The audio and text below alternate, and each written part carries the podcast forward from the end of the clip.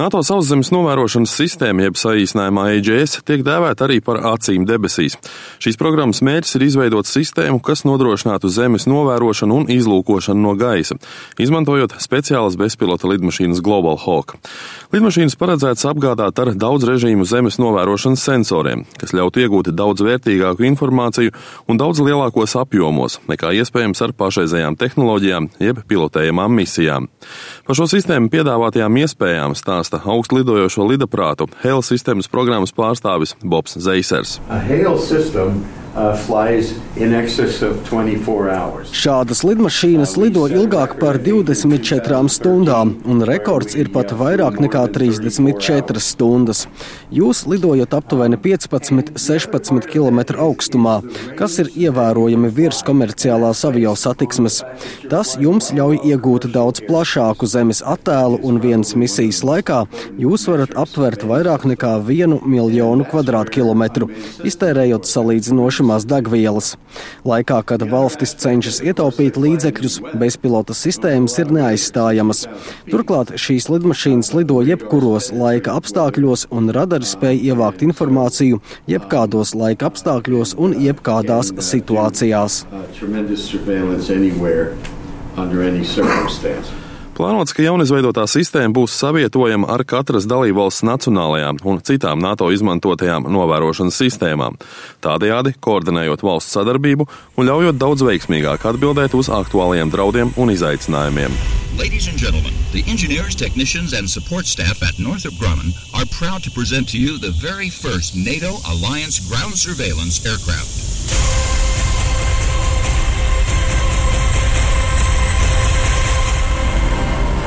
Pagājušajā nedēļā notikusi jaunā bezpilota lidaprāta NATO 1 prezentācija ASV Kalifornijas štata Palmdēlā iezīmē ļoti nozīmīgu posmu gadiem ilgās NATO programmas ceļā.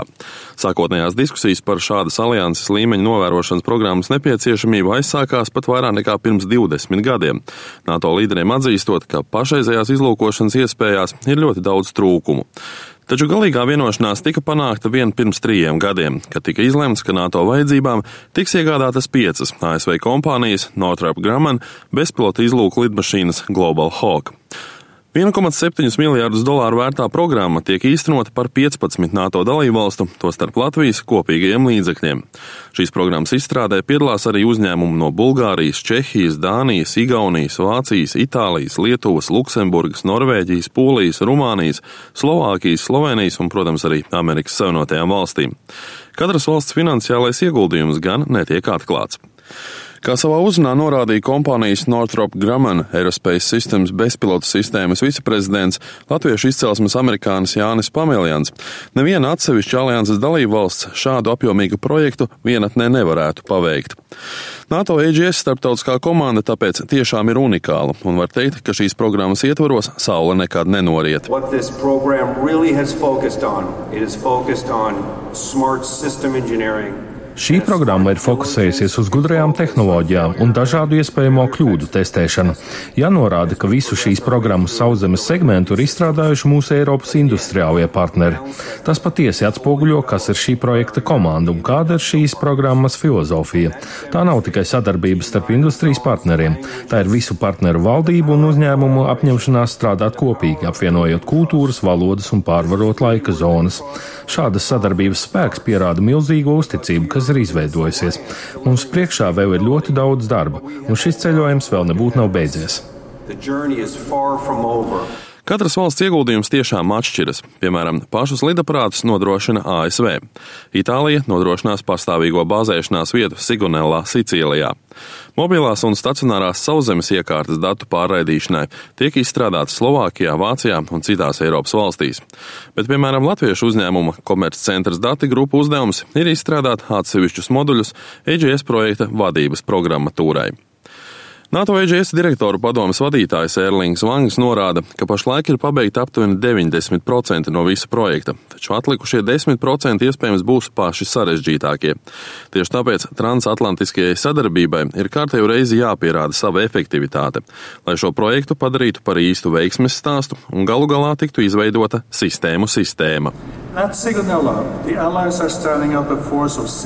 Sigonellā vairāk nekā 600 karavīru un civilo personu jau ir gatavi saņemt šos lidaparātus, kas kalpos par galveno līdzekli cīņā pret tiem, kuri vēlas apstrīdēt mūsu kopējās vērtības un brīvību.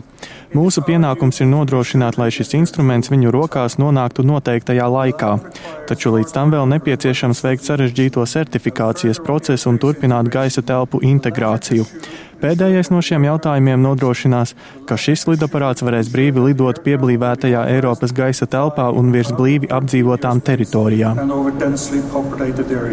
Erlinga Vanga minētais certifikācijas process patiesībā ir ļoti jūtīgs jautājums tieši vairākām Eiropas valstīm. Piemēram, Vācijai, kas jau pirms vairākiem gadiem vēlējās izmantot tieši šādus pašus lidaprātus savai Eurohawk izlūkošanas programmai.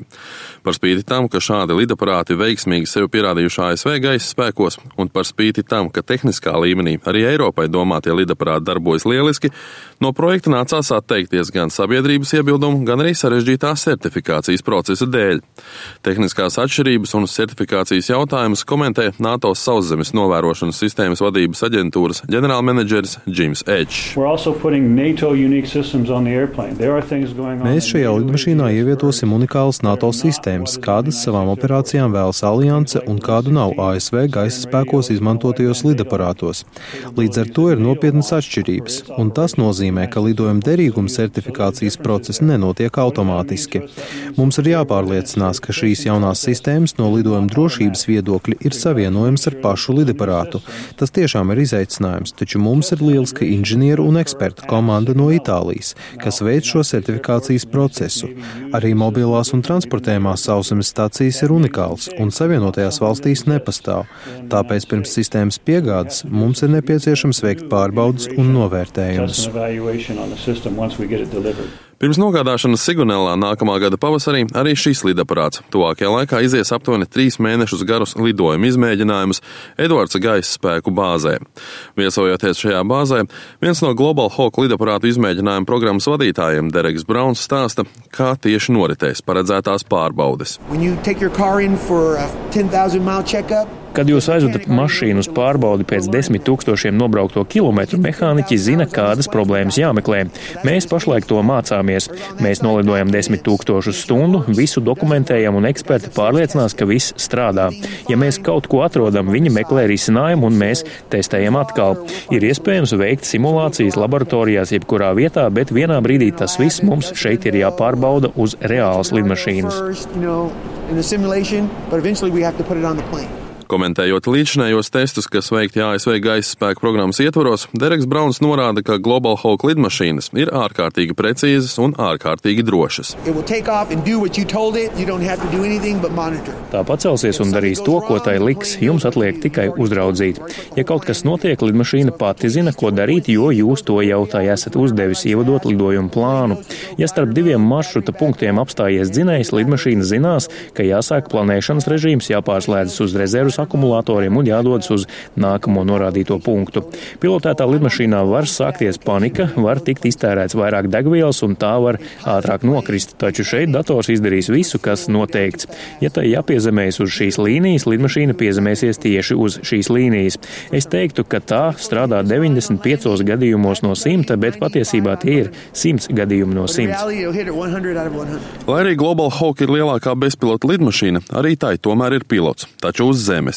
Turklāt šos lidaparātus nevar vadīt cilvēks bez reālas kaujas lidmašīnu vadības pieredzes. Kā norāda viens no pilotiem, ASV gaisa spēku majors Jeremijs Jones, vadīt šādu bezpilota lidaparātu ir salīdzinoši ļoti vienkārši. Šī lidmašīna pati paceļas, pati nolaižas un pati ierodas pacelšanās vietā. Mums ir misiju plānotāji, kas nosaka, kur tieši lidaparāts dosies. Mēs uz zemes tikai nospiežam pogu, lai to iedarbinātu vai apstādinātu. Lidojuma laikā mēs jau varam korrigēt augstumu vai kādu citu rādītāju. Mēs arī sazināmies ar satiksmes dispečeriem un pildām viņu norādījumus, kā jebkuras lidmašīnas piloti. Ar šo lidmašīnu mēs lidojam tik augstu, ka netraucējam komerciālajai satiksmei, un līdz ar to mums nav jāsatraucas par iespējamām sadusmēm. Lai arī tradicionāli bezpilota lidaparāti tiek saistīti ar kaujas misijām, piemēram, Afganistānā vai Irākā, NATO sauszemes novērošanas sistēmas lidaparātos ieroču nav. To galvenais uzdevums ir tikai vākt informāciju un nodot to tālāk attiecīgiem dienestiem. Turklāt ar šīm lidmašīnām netiek veikta video, bet gan tikai foto novērošana un iegūto datu salīdzināšana. Kā norāda Hale sistēmas pārstāvis Bobs Zeisers, šos lidaparātus var izmantot ne tikai militāriem mērķiem. Piemēram, bezpilota lidaproti no tāluma varētu uzraudzīt robežas arī Ukrainā, bēgļu kustību vidusjūrā vai veikt vides novērošanu grūti aizsniedzamos reģionos, kā piemēram Arktikā. Zeisers norāda, ka šādas sistēmas savulaik būtu ļoti noderējušas, piemēram, sniedzot palīdzību Indonēzijas tsunami cietušajiem. Ja mums toreiz būtu bijušas NATO novērošanas lidmašīnas, mēs būtu varējuši doties uz Indonēziju un palīdzētu atrast izdzīvojušos. Taču toreiz situācija bija tāda. Uz Indonēzijas ostām devās franču un amerikāņu kuģi, meklējot izdzīvojušos. Helikopteri pilni ar ūdeni un segām neveiksmīgi meklēja izdzīvojušos un bija spiesti atgriezties ar visiem produktiem, bet bez degvielas. Ja mums būtu tagadējās sistēmas, mēs izdzīvojušos atrastu daudz ātrāk un atrastu ostas, uz kurām kuģi var nogādāt palīdzību.